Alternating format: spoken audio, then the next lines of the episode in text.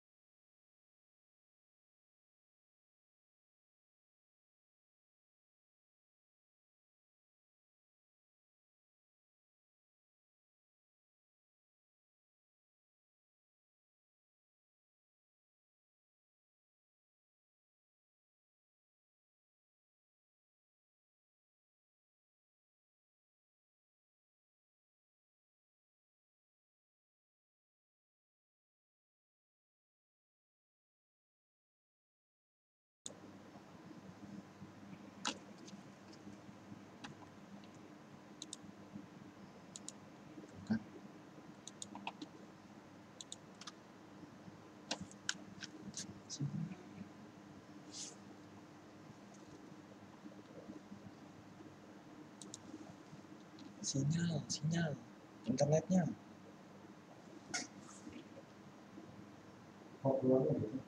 Internetnya pak. internet kamu Internetnya udah langsung connecting.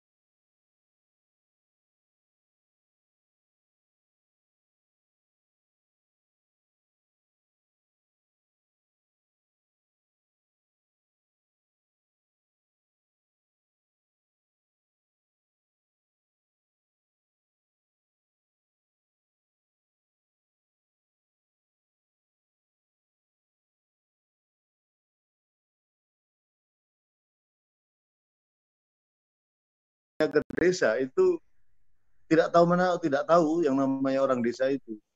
Karena itu itu uh, sering terjadi pembangunan yang apa namanya uh, istilah guyonnya itu adalah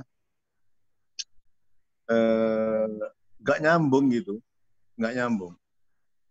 Jadi ada tidak ketemu antara pusat dengan desa itu antara pemerintah di atasnya dengan desa itu nggak ketemu.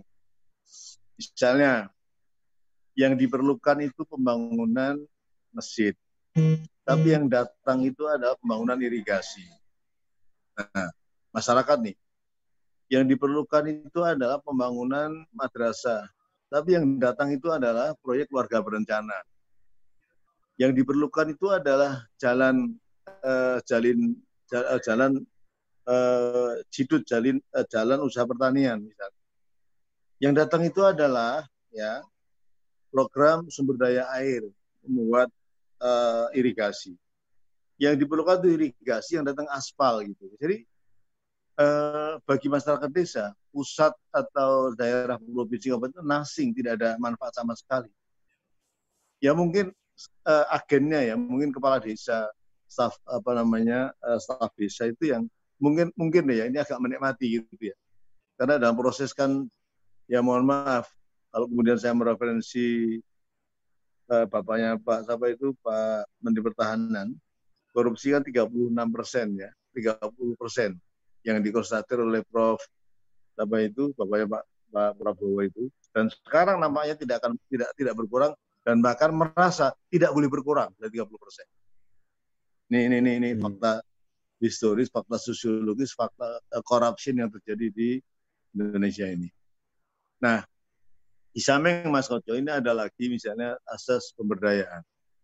Suka tidak suka ini mohon maaf kalau kemudian saya ini eh, orang yang menggunakan eh, jargon kalau yang lama masih baik dan ada kebijakan baru yang lebih baik terus diambil. Ya. Pada waktu itu Pak SBY, ini sekali lagi Pak SBY ya, sudah ada programnya PNPM, Mandiri Pedesaan. Iya. Suka tidak suka pada waktu itu, ya siapa pun ya, eh, suka tidak suka tapi pada dasarnya seperti itu. Karena memang ada yang mengupil dengan positif, ada yang eh, merasa ah itu kan gua nggak ikut-ikut, saya nggak nggak terlibat gitu. Jadi eh, faktanya PNPM itu berhasil, faktanya ini. Itu dilalui kebijakan yang memang mengalir. 75 persen untuk infrastruktur, 25 persen untuk eh, pemberdayaan masyarakat. Yang saya kira milestone itu sudah berakhir tahun 2000 berapa ya, 2014 yang lalu. Tapi momentum apa ya, eh, apa namanya masih ada. Milestone-nya masih ada. Terutama yang berkaitan dengan misalnya eh, pembangunan fisik masih ada yang bisa dilihat. Pembangunan fisik dalam hal pemanfaatan uang tadi misalnya. Hari ini di Indonesia itu di tiap kecamatan itu masih ada namanya UPK, unit pelaksana kegiatan. Ya. Yang tiap desa misalnya saya ambil eh, secara nasional itu mungkin sudah 14 triliun akumulasi dari jumlah dana yang eh, ada yang sampai hari ini sudah masih beredar di masyarakat. Jadi eh, UPK itu hari ini saya ambil contoh di Jawa Tengah itu mungkin sudah dua- sudah 2,7 sampai dengan 3 triliun yang tersebar di 573 kecamatan. Tiap desa itu bisa jadi antara saya kira sudah lebih dari 5 sekarang udah antara 6 sampai kemudian ada yang sampai dengan eh, puluhan. Jadi average rasio di Jawa Tengah itu memang eh, cukup tinggi karena memang misalnya di Kebumen itu, Kebumen itu luar biasa. Kemudian Boyolali juga cukup bagus. Kemudian lagi Purworejo cukup bagus. Ya, jadi itu hari ini kalau kita bicara UPK masih ada Tengah di, eh, di di berbagai desa. Jadi eh, kita kemudian loh ada sesuatu yang baik karena kemudian kita jadikan sebagai salah satu referensinya adalah eh, yang kita sebut sebagai pemberdayaan dalam asas undang-undang desa. Kemudian yang lagi misalnya kita me- mengkonstruksikan yang namanya proses politik bahwa desa itu juga merupakan satu komunitas yang dia tidak swasta. Itu kemudian proses demokrasi yang sudah terjadi di desa dan memang nilai itu sudah dikembangkan, ya nilai demokrasi itu kita tambahkan dengan misalnya lagi ya di substansi baru tentang apa yang disebut dengan prakarsa. Jadi eh, ini yang kemudian dalam asas bulan 13 itu, Mas Koco, eh, terrefleksi juga, bukan terrefleksi, ya ada dalam undang-undang. Jadi kalau desa adalah itu, ya menurut Undang-Undang 6 2014 ini maka desa menurut Undang-Undang 32, desa menurut Undang-Undang 22, desa menurut Undang-Undang 10 berbeda definisinya. Jadi eh, ini bukan sekedar refleksi fakta bahwa definisi harus dipahami berbagai stakeholder. Jangan melihat desa dalam konteks yang imajinatif saja tanpa melihat definisi. Hmm. Dalam konteks yang imajinatif memang ah ngertilah desa itu kayak ngono karena kita punya latar belakang desa masing-masing. Tapi lihat bagaimana yang namanya eh, definisi berbeda. Di dalam Undang-Undang 2014 itu ada yang ditonjolkan di situ. Pertama adalah eh, prakarsa. Yang kedua keswadayaan. Lalu yang ketiga sudah barang bukti dalam konteks negara kesatuan Republik Indonesia. Ini yang membedakan undang-undang sebelumnya. Jadi manakala orang bicara undang-undang desa tidak menjadikan definisi sebagai rujukan, maka yang terjadi pasti akan bias. Oke, Mas. Sekarang Iya. dengan dengan apa bicara ada semangat idealisme, ada ideologis, ada ada apa semangat rekognisi pemberdayaan bla bla bla dan seterusnya. Mungkin saya lebih ke hari ini.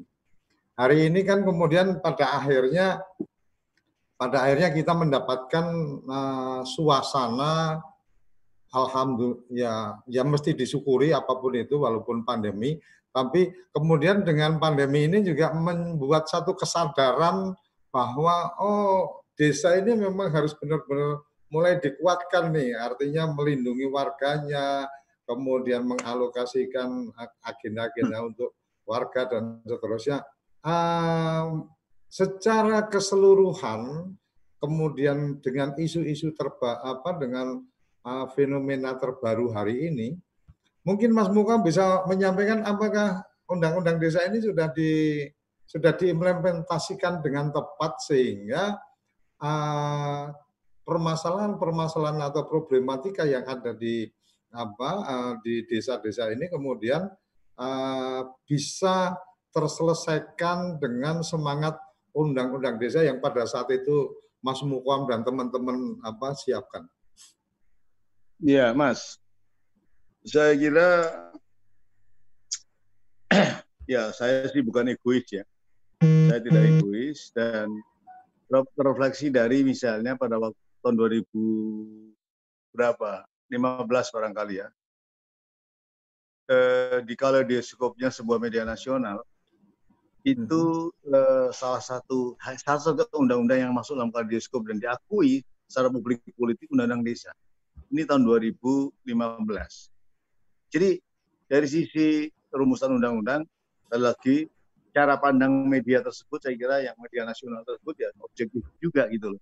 Menurut saya juga objektif meletakkan undang-undang itu salah satu momen uh, sebagai output politik yang uh, apa yang diakui gitu ya. Ini ini ini kata kaleidoskop ya, bukan kata saya. Ya. Terus kemudian implementasinya bagaimana? Memang kalau kita lihat Undang-Undang P3, peraturan pembentukan perundang-undangan, ya, Anda di situ sambil misalnya dari undang-undang, kemudian implementasinya itu bisa dilakukan dengan eh, yang namanya peraturan pemerintah, peraturan daerah, gitu ya, peraturan presiden, peraturan desa, itu memang di dalam strukturnya seperti itu. Sehingga undang-undang pelaksanaan itu tidak boleh bertentangan dengan undang-undang desa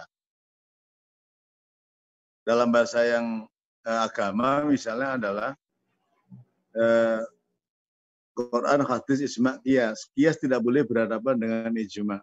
Ijma tidak boleh berhadapan dengan hadis. Hadis tidak boleh berhadapan dengan Al-Quran. Ini saya kira salah satu ini adalah undang-undang desa itu di dalam kebijakan pelaksanaannya tidak boleh ada hal yang bertentangan dengan undang-undang desa. Ini yang eh, menjadi pengetahuan umum dan memang menjadi dasar bernegara gitu. Nah, sayang Mas Koco, sayang ini eh, ketika undang-undang dilaksanakan, pertama pada sebuah lembagaan itu ada dua apa namanya Perpres, satu Perpres 11 tentang tupoksi Kementerian Dalam Negeri, yang kedua adalah Perpres 12 tentang tupoksi Kementerian Desa, daerah tertinggal dan transmigrasi. Nah, ini yang menurut saya ini awal dari ketidak ketidakbenaran dalam undang-undang desa. Kenapa? Panca tunggal dalam undang-undang desa itu namanya pemerintahan, pembangunan, pemberdayaan, kemasyarakatan. Ini kan panca tunggal ini, empat-empatnya satu. Tapi di dalam perpres tersebut, pemerintahan itu menjadi tupoksinya Kementerian Dalam Negeri, dan yang lain jadi tupoksinya Kementerian Desa. Kita bisa bayangkan ini. Padahal jelas dalam Undang-Undang Desa itu eh, bab 1 pasal 1 poin 16 itu dis, eh, menteri adalah menteri yang menangani urusan desa. Menteri yang menangani urusan desa. Sekali lagi, jadi pada waktu pembuat undang-undang ini eh, berpikir adalah mau dimasuk ke Mendagri ya silahkan, mau masuk di kementerian yang baru silahkan, tetapi jangan masuk di dua-duanya. Ini yang yang yang kemudian menjadi belero begini ini. Jadi in between gitu ya. Ya di sini ada, di sana ada. Di Kementerian Dalam Negeri ada, di Desa ada. Ini yang saya kira dari sisi pandangan manajerial, saya kira tidak menemukan tempatnya. Karena Bentar, pengalaman mas, dulu, mas, sorry, sorry, saya potong. Berarti, berarti mestinya kalau dari semangat waktu itu teman-teman di penyusunan undang-undang desa di pansus itu, yang menteri yang dimaksudkan dengan menteri yang mengurusi desa itu mestinya ada jadi satu antara pem- um, yang mengurusi pemerintahan desa, mengurusi pemberdayaan desa dan seterusnya, gitu. Art- Artinya artinya tidak tidak tidak kemudian harus terpecah ada yang di apa di pemerintah apa di pemerintahan dalam negeri, ada yang di Kementerian Desa. betul. Oke, Jadi. Pancasila Tunggal Mas Noco ini yang Perpres 1112 itu kemudian membelah menjadi dua urusan kementerian. Jadi itu kan Hmm. definisi definisi yang sangat universal dan tidak menunjuk menteri adalah menteri yang urusan desa titik. Tidak kemudian Hmm. dibelah-belah. Karena pertama adalah pengalaman ini Mas Noco. Tata koordinasi ini kan di Republik ini mudah sekali di disampaikan gitu ya. Nanti kita koordinasikan lah. Faktanya kan susah. Lalu yang kedua adalah akibat dari itu maka fragmentasi. Di atas benar saja, di bawah belum tentu benar. Karena memang ada proses budaya, proses politik, proses pendidikan, dan lain-lain. ya. Hmm. Kalau eh, itu ada potensi untuk fragmentasi di bawah. Nah sekarang Hmm. kalau fragmentasi di atas, ini asumsi dasar saya, kan itu pasti terfragmentasi di bawah. Hmm, Jadi ini yang fermentasi itu terjadi karena memang ya pusat barangkali tahu kalau ini dibenerin pengelolaannya bisa akan lebih hebat. Itulah yang saya kira asumsi yang harus di apa di ditendang itu nggak boleh asumsi seperti itu. Ar- ar- artinya Mas artinya Mas Mukoa me- menengarai bahwa ada pa- beberapa pihak yang memang tidak ingin untuk desa menjadi kuat atau gimana? Saya tidak bicara seperti itu, tapi bahwa ter- faktanya ada Perpres 1112 itu. Hmm. Saya seperti itu. Jadi suatu kali saya sampaikan kepada penentu di Seknek sana, loh kok terjadi seperti ini Pak, ini bagaimana sebetulnya? Kok ada ini, Hmm. ada itu? Apa iya Pak Mukwam? Malah ganti nanya coba. Artinya artinya nggak terlalu paham dengan ide. Artinya ketika membuat kebijakan atau membuat perpres itu atau membuat apa eh, tata kementerian ini ada ruh dari undang-undang desa yang tidak tertangkap oleh pembuat kebijakan. Gitu, Mas. Iya, betul. Oke, Jadi- Mas. Nah, Silakan. Jadi Silakan. Masih ada yang ingin. Mm, mm, mm. pada tataran yang lain, dua kementerian ini kan berjalan sendiri-sendiri. Oke. Enggak itu itu kan konsekuensi logis ketika kemudian Dan memang ada berikutnya, ya. Mm, Lalu mm. berikutnya adalah desa kehilangan siapa? Komandan saya. Hmm. Pada berikutnya adalah kemudian desa mana yang harus kupegang dalam regulasi. Ini kan Mm, Mas, undang-undang desa ini kan berjalan, eh, desa ini sekarang diatur undang-undang. Yang saya kira kebijakan yang ada di pusat itu juga harus menjadi pegangan desa dalam berjalan. Oke. Nah, saat itu dalam konteks COVID misalnya, COVID-19. Nih, Mas Koco tadi sampaikan. Hmm. Pertama bahwa struktur APBD kita, APBN kita, itu ada yang namanya kemudian dana masuk yang namanya dana apa namanya di dalam istilah APBN itu saya agak lupa ya Transfer Eh, daerah. dana dari dana yang masuk ke daerah lah gitu ya. Ya, transfer daerah ada beberapa bagian dana. Nah termasuk adalah dana desa. Ya, betul. Memang meningkat signifikan ya, signifikan meningkatnya. Tapi sekali lagi, SBY 10 tahun 86 triliun. Hari ini masih beredar di masyarakat berapa itu? Puluhan triliun. 10 tahun SBY ini 86 triliun.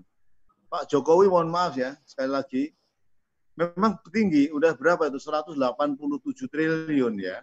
Ya. Tapi kalau kemudian menggunakan ilmu sampean soal efektivitas, soal efisiensi, soal pelaksanaan, ya tidak mesti yang banyak itu lebih kayak orang ini kayak namanya tidak selalu orang gemuk itu lebih berpotensi punya penyakit apa namanya itu daripada orang kurus itu enggak Hmm. jadi Hmm. sekarang kalau kita covid Hmm. eh, struktur kita APBN kita pertama tadi yang kedua adalah APBD itu 60% tergantung dari APBN Oke. pegang dulu omongan ini Ya.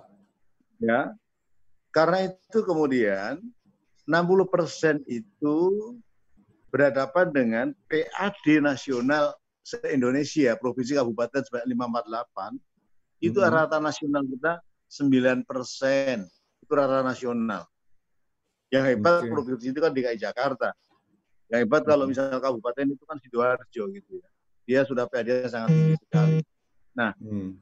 di mana letak confusingnya Mas Koco? Pertama bahwa undang-undang desa apa pun namanya di dalam pelaksanaannya karena ada dana desa kemudian ada alokasi dana desa harus merefer pada undang-undang 17 2003 tentang keuangan negara. Ini Hmm.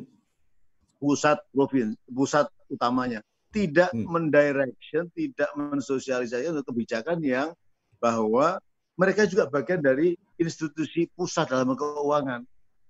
Ini yang saya kira benar kepala desa ketika kemudian loh Pak Mukowam, Pak Koco, apa benar saya menggunakan eh, alokasi apa eh, APBDes DD atau ADD untuk yang lain.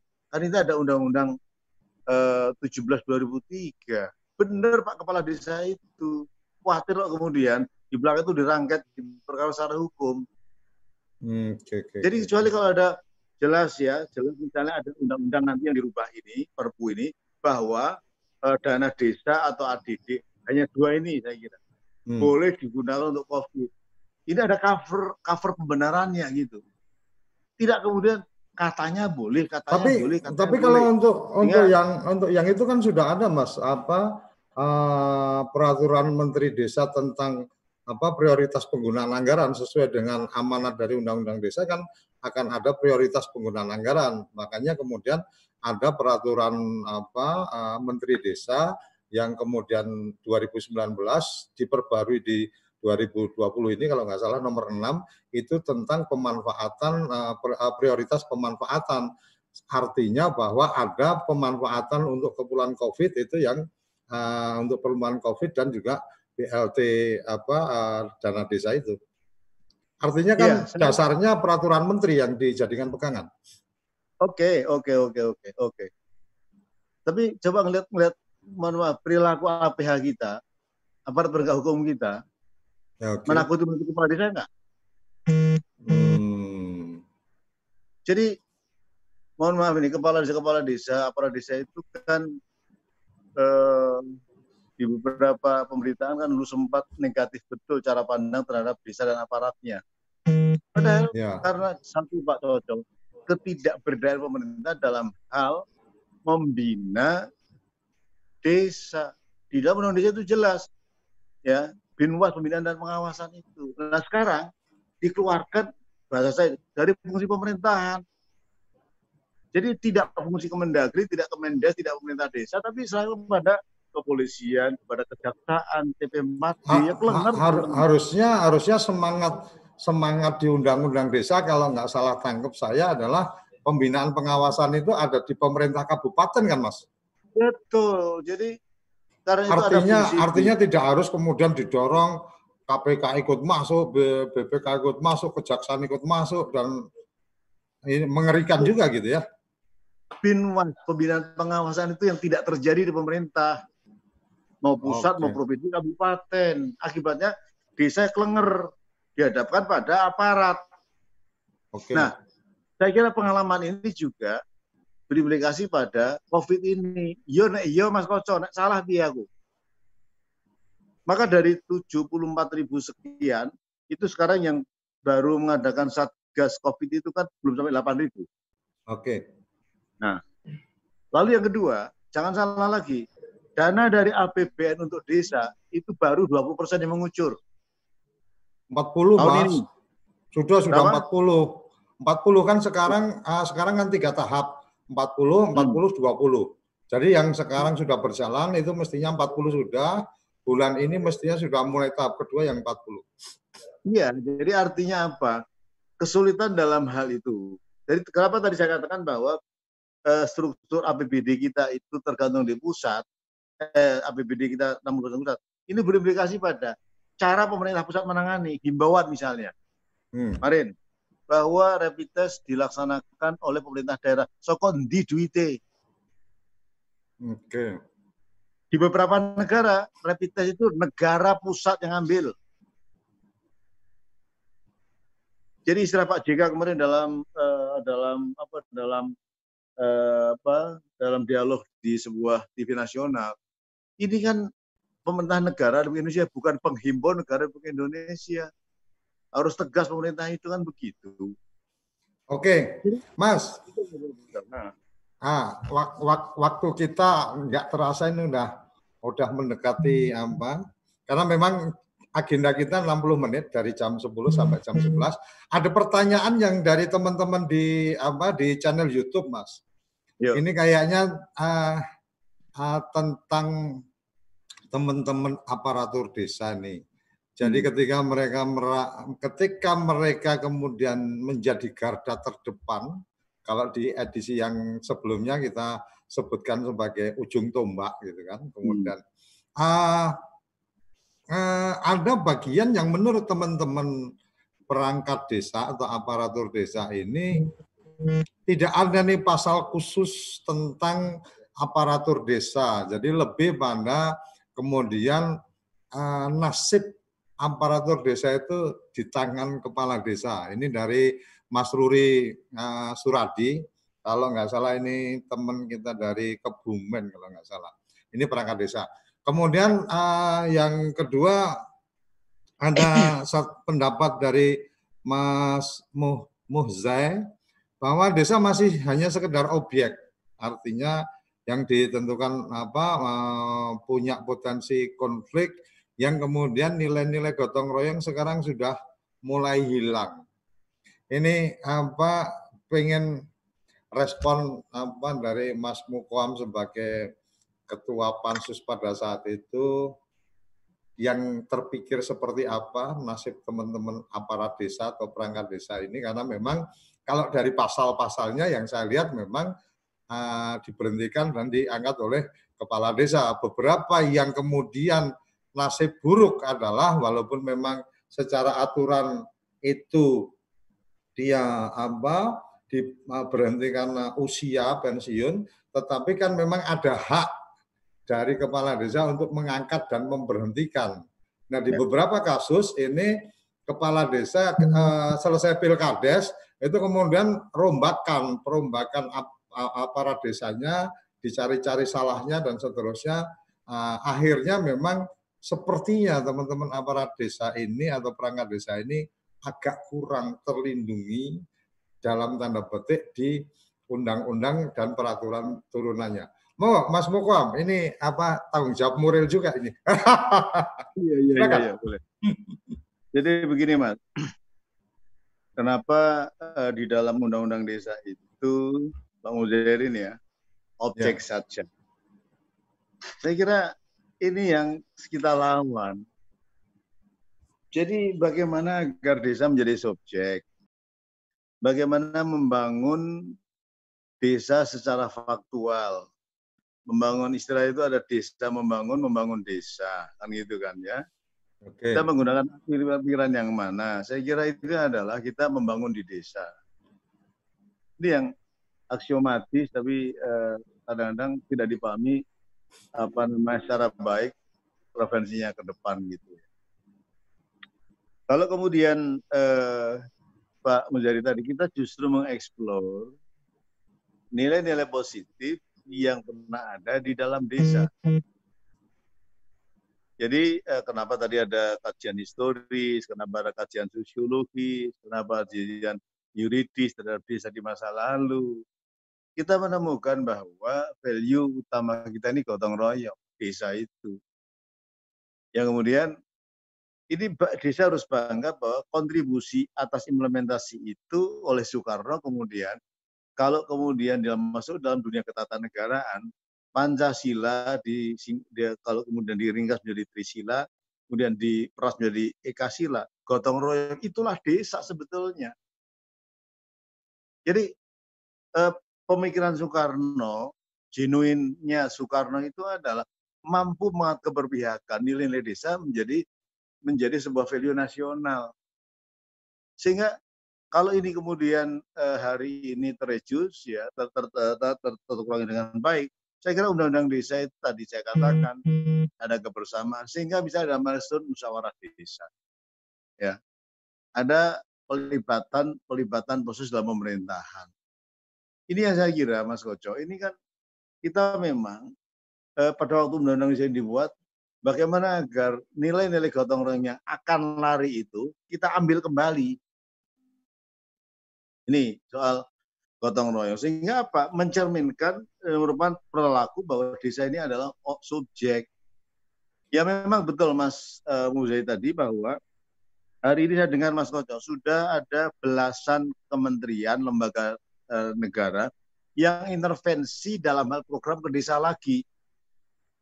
Hmm. Jadi tidak merdeka lagi.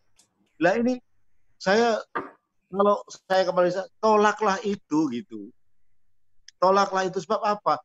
Itu yang namanya kemudian di beberapa tahun yang lalu itu muncul namanya dana aspirasi dari situ sumbernya. Nah itu yang kemudian eh, dana desa, dana eh, apa namanya eh, ADD itu Mas Koco kita tahu kan. Tahun 2013 ketika undang-undang dibuat, ya hanya tiga persen yang masuk ke desa dari 10 persen yang masuk ke desa dari hmm. dana yang masuk ke daerah itu hanya tiga persen. Nah sekarang artinya artinya kewajiban yang kewajiban yang minimal 10 persen itu rata-rata hanya ada tiga persen pada saat ini. Tiga persen. Yang lain masuk, masuk, masuk namanya uh, tadi itu masuk pada proses politik. Oh, oke oke oke oke. Itu yang tidak benar gitu. Maka kemudian kita koreksi itu Pak Gamawan melaporkan pada Mendagri. Pak Mukwam hmm. tiga persen dari 10 persen alokasi dana desa yang terrefleksi di dalam dana uh, masuk ke daerah itu.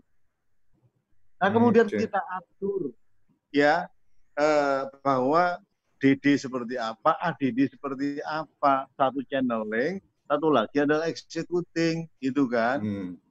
Nah ini yang uh, apa uh, yang kemudian tidak disosialisasi secara benar oleh pemerintah.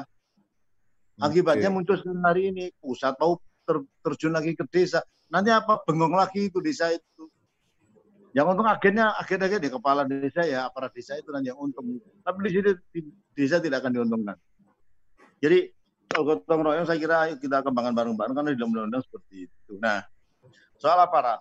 Aparat itu memang klasteringnya jelas mas Kocok. Jadi saya ingin jelaskan. Pertama kepala desa dua aparat desa ya. Kemudian ada BPD, ada lagi, kemudian lagi misalnya lagi adalah RT, ada RW, gitu ya. Hmm. Yang saya kira treatment dalam undang-undang berbeda-beda. Ya, kepala desa itu prosesnya kembali pada proses politik, bukan lagi proses birokrasi seperti kelurahan di perkotaan, di kota. Oke, oke. Kalau itu dipahami, ya. Karena itu kemudian dasarnya pun juga kita menggunakan objektif politik orang hari pada mengkritik. Kenapa sih undang-undang desa mewajibkan kepala desa hanya SD? Karena pada waktu undang dibuat, rata-rata nasional kita itu 8,2 tahun. Artinya kelas 3 SMP baru dua bulan. Belum ada uh, belum ada sampai kelas 3 selesai. Maka kalau tidak mampu kultur undang-undang ini, maka anggapnya bahwa si pembuat undang-undang itu kurang bijak namanya. Kenapa SD sudah kepala desa? Jawa boleh 15 persen Indonesia itu ada di Jawa. Ya, itu oke okay lah. Ada sampai saya sangat hormat pada teman-teman 9 atau 12 kepala desa sudah sampai pada taran doktor itu. Tapi ya. bahwa kemudian untuk melihat remote area di daerah lain, ini kan kita masih mengenaskan. Jadi ini fakta-fakta. Nah, kemudian eh, kenapa berbeda ya? Kenapa posisinya begitu kuat? Ya. Memang kepala desa dibantu oleh aparatur desa gitu kan ya. yang bla bla bla pengangkatannya memang tergantung dari kepala desa atas jangan salah itu ya atas persetujuan camat ya betul atas badan camat. Camat bisa melakukan apa pun. Setuju boleh, tidak setuju boleh. Jadi waktu-waktu itu saya katakan, Pak, nak jenengan itu suka dengan sekretaris desa, ya ngomong dengan Pak Camat. Nek orang seneng ya ngomong. Jangan orang seneng kemudian, aku rasa karena awakmu, saya tidak suka dengan kamu, hari kamu keluar sekdes. Enggak boleh. Tapi tapi kejadian kejadian di beberapa kabupaten kayak gitu loh, Mas. Dan dan kecamatan sendiri atau pemerintah kabupaten sendiri juga dalam tanda petik kesannya tidak melakukan perlindungan. Akhirnya kan beberapa sampai melakukan langkah-langkah ke PTUN dan seterusnya. Kan salah satunya bisa jadi karena memang ada kelemahan di undang-undang desa sendiri, Mas. Saya kira oke okay lah. Kalau cara pandang Mas Koco tadi adalah eh, kepala desa menjadi menjadi utama. Tapi kan proses yang lain harus ada itu. Administratif, proses pengawasan, proses persetujuan. Jadi kalau hari ini eh, kepala desa pada gede kepala, camatnya nggak berfungsi berarti itu. Oke, oke. Kalau desa itu gede kepala, maka bupatinya juga keliru itu. Jadi begini, kenapa bupati? Beberapa misalnya kabupaten itu mengatur ini pengadaan antara petik eh, aparat desa. Ya, di beberapa tempat itu diatur oleh peraturan bupati, mas. Ada hmm. peraturan bupati itu yang inline dengan undang-undang, ada peraturan bupati itu yang melawan undang-undang. Hmm. Ini yang saya kira di situ misalnya saya case-nya di Kudus, case-nya di Demak, case-nya di Kabupaten Semarang. Ini kebetulan saya daerah remote eh, saya di situ. Case-nya di Kendal. Ya, itu uh, ada yang merasa serak dengan objektivitas, tapi ada yang mau memainkan objektivitas itu dengan main belakang. Okay. Jadi saya kira per individu bukan kepala desa saja yang salah, camatnya salah, bupatinya salah itu. Kenapa? Fungsi dalam undang-undang itu jelas kok di situ kok. Jadi camat itu adalah kunci terakhir. Ya, setuju tidak setuju itu dia setelah ada proses rekrutmen yang dilakukan eh, dibantu oleh pemerintah kabupaten dalam rekrutmen aparat desa. Ya ini yang saya kira Mas Ini cara melihatnya harus kita memang harus harus kafa ya harus menyeluruh gitu ya. Sehingga hari ini saya juga kasihan eh, terhadap teman-teman yang diperlakukan dengan cara tidak adil. Karena itu ada yang men apa namanya mempetunkan peraturan bupati. ada yang mempetunkan eh, kepala desa. Ini perilaku yang sebetulnya kalau organisasi manajemen desa ini berjalan secara benar maka itu tidak terjadi hal-hal seperti itu. Deviasi terjadi kalau dia eh, ada yang malpraktek dari si hukum misalnya. Ini yang itu yang tidak benar pelaksanaannya. Sehingga menurut saya kata-kata yang paling kunci ada beberapa, ada peran bupati, ada camat. Ini memang kita tidak kita tidak melepaskan sama sekali tidak undang-undang itu, tapi bahwa ada proses yang memang berjalan secara nature birokratik gitu ya. Adatnya birokrasi bagaimana? Karena memang eh, kita ini, ya alhamdulillah bangsa ini masyarakat kita itu masih menghormati uh, apa namanya yang namanya uh, pemerintahan, pemerintah gitu ya. Kecuali kalau pemerintah kata Pak JK tadi sudah menjadi penghimbau Republik Indonesia, ini repot lagi. Jadi yang pemerintah itu harus berdiri pada pemerintahan tidak dalam posisi uh, mengambil peran negatif, menyimpang uh, sehingga menguntungkan gitu ya pihak-pihak uh, tertentu dalam pelaksanaan undang-undang. Di Kabupaten Semarang misalnya, khusus Kepala desa nikmat sepanjang itu eh, cara pengambilan objektif. Misalnya, kan itu kan kabupaten bekerja sama dengan perguruan tinggi eh, dalam hal eh, apa namanya psikologi tes, kemudian tes kemampuan, tes manajerial dan eh, pengetahuan dan lain-lain. Hasilnya itu jelas tiga besar pak rekomendasi. Hmm. Selanjutnya terserah Pak Lurah dalam memilih, Kepala memilih Lihat nomor satu kok nggak dipilih ya, sudah salah dia. Yang dipilih nomor tiga misalnya. Jadi eh, perguruan tinggi itu bisa eh, mengendos berdasarkan objektivitas. Ya semoga ini bukan bukan atas dari arahan dari eh, pemerintah kabupaten. Faktanya kemudian ada kepala desa wilayah nomor tiga, tidak nomor satu. Ya bermasalah.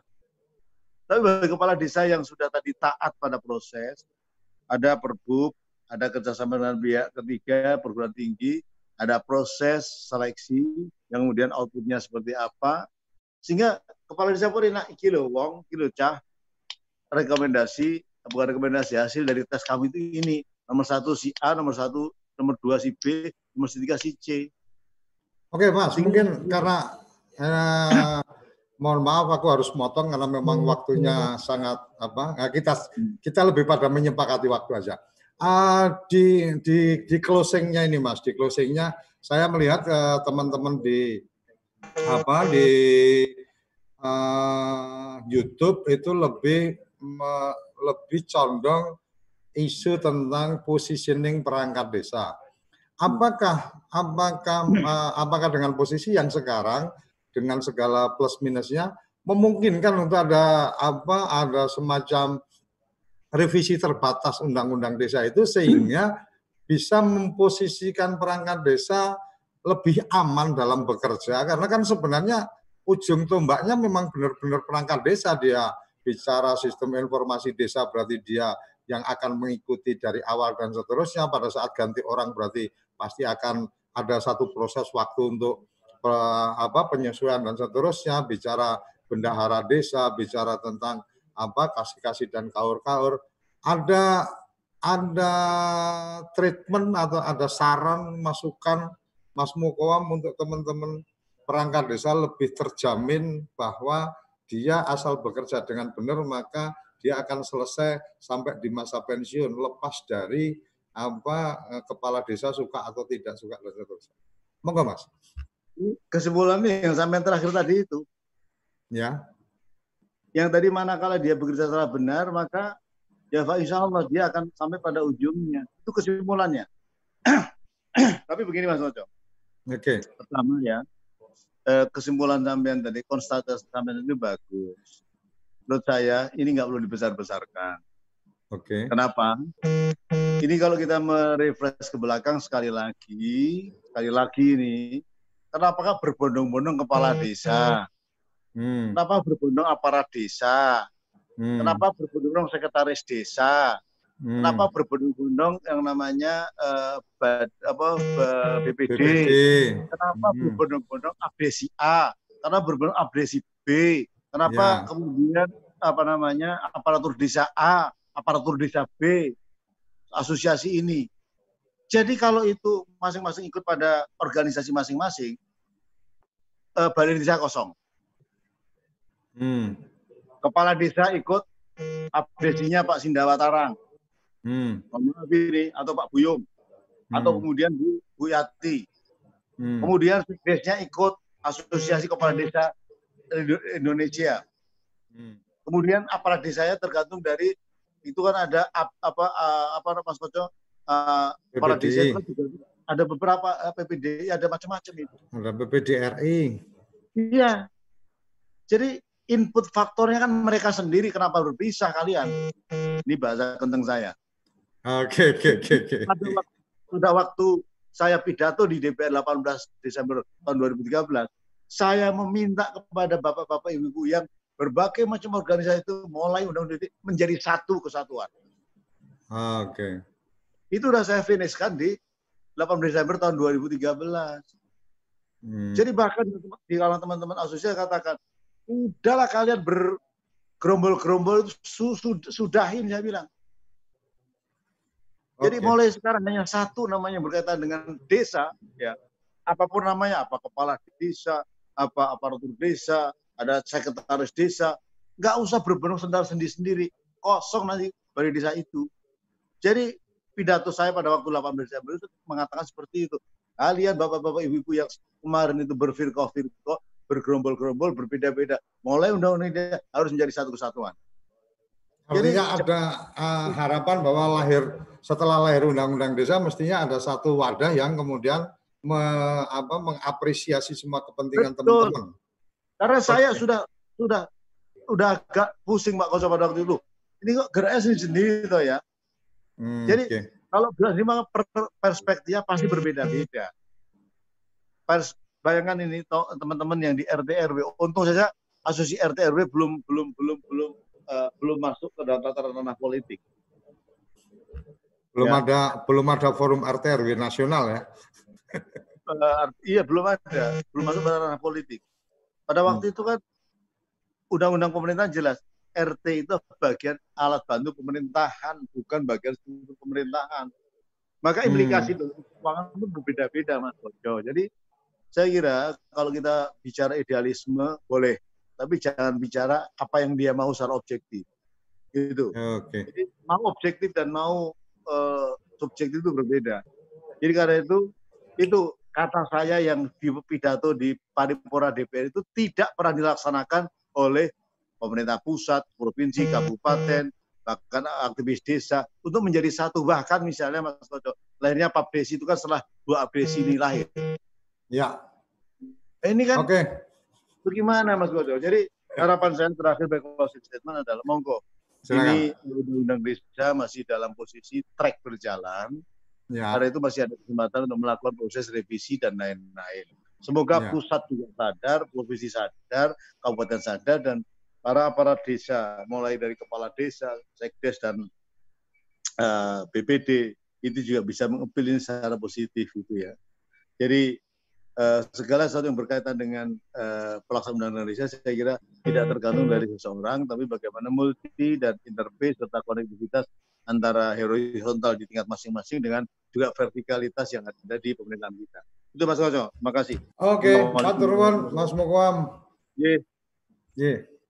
Jadi uh, kerabat desa Indonesia kita sudah mendengarkan tadi diskusi kita dengan Mas Mukoam. Ada beberapa catatan saya bahwa memang ada beberapa bagian yang secara implementasi masih kurang tepat, tetapi kita mesti melihat dari sisi positif bahwa ini apa on proses berjalan undang-undang dan ada ruang-ruang untuk kemudian kalau memang dirasa hmm. perlu melakukan apa revisi dan seterusnya, cuma pesan Mas Muwam tadi apabila memang akan agak ada agenda-agenda seperti itu, lebih bagusnya ketika dalam satu koridor hmm. keperluan teman-teman aparatur desa, kepala desa, dan kemudian uh, semua elemen-elemen di dalam desa itu lebih bagusnya dalam satu wadah mematangkan dulu apa-apa sebenarnya yang perlu dilakukan kajian untuk kemudian dilakukan revisi sehingga pada saat proses itu kemudian benar-benar eh, perubahan-perubahan itu menjadi perubahan-perubahan yang diharapkan dan sangat implementatif. Saya tidak bisa memberikan benang merah intinya karena memang kita sudah langsung mendengarkan dari pelaku sejarahnya. Oleh karenanya saya juga uh, sampaikan ke teman-teman jangan lupa like, subscribe TV Desa untuk uh, mendapatkan informasi-informasi update uh, dari TV Desa. Dan kita akan usahakan uh, agenda kita uh, bisa tiap hari setiap pukul 10 sampai pukul 11 mulai uh, Mei ini. Uh, mulai Mei depan kita akan setiap hari meng, me, menggelar program Kepoin Desa dengan beberapa opsinya. Beberapa teman-teman pelaku sejarah juga sudah sempat kita komunikasi. Bung Zando kemarin saya sudah sempat komunikasi, Mas Budiman Sujatmiko juga sempat komunikasi. Insya Allah minggu depan mereka siap untuk kemudian sharing dengan kita. Dan di Kepoin Desa, di TV Desa, kita akan melakukan gerakan-gerakan untuk memuliakan desa, mengarus tamakan desa dalam setiap gerakan Indonesia kita uh, ke depan. Terima kasih. Assalamualaikum warahmatullahi wabarakatuh. Sampai jumpa di Kepoin Desa berikutnya. Salam bahagia kerabat desa Indonesia.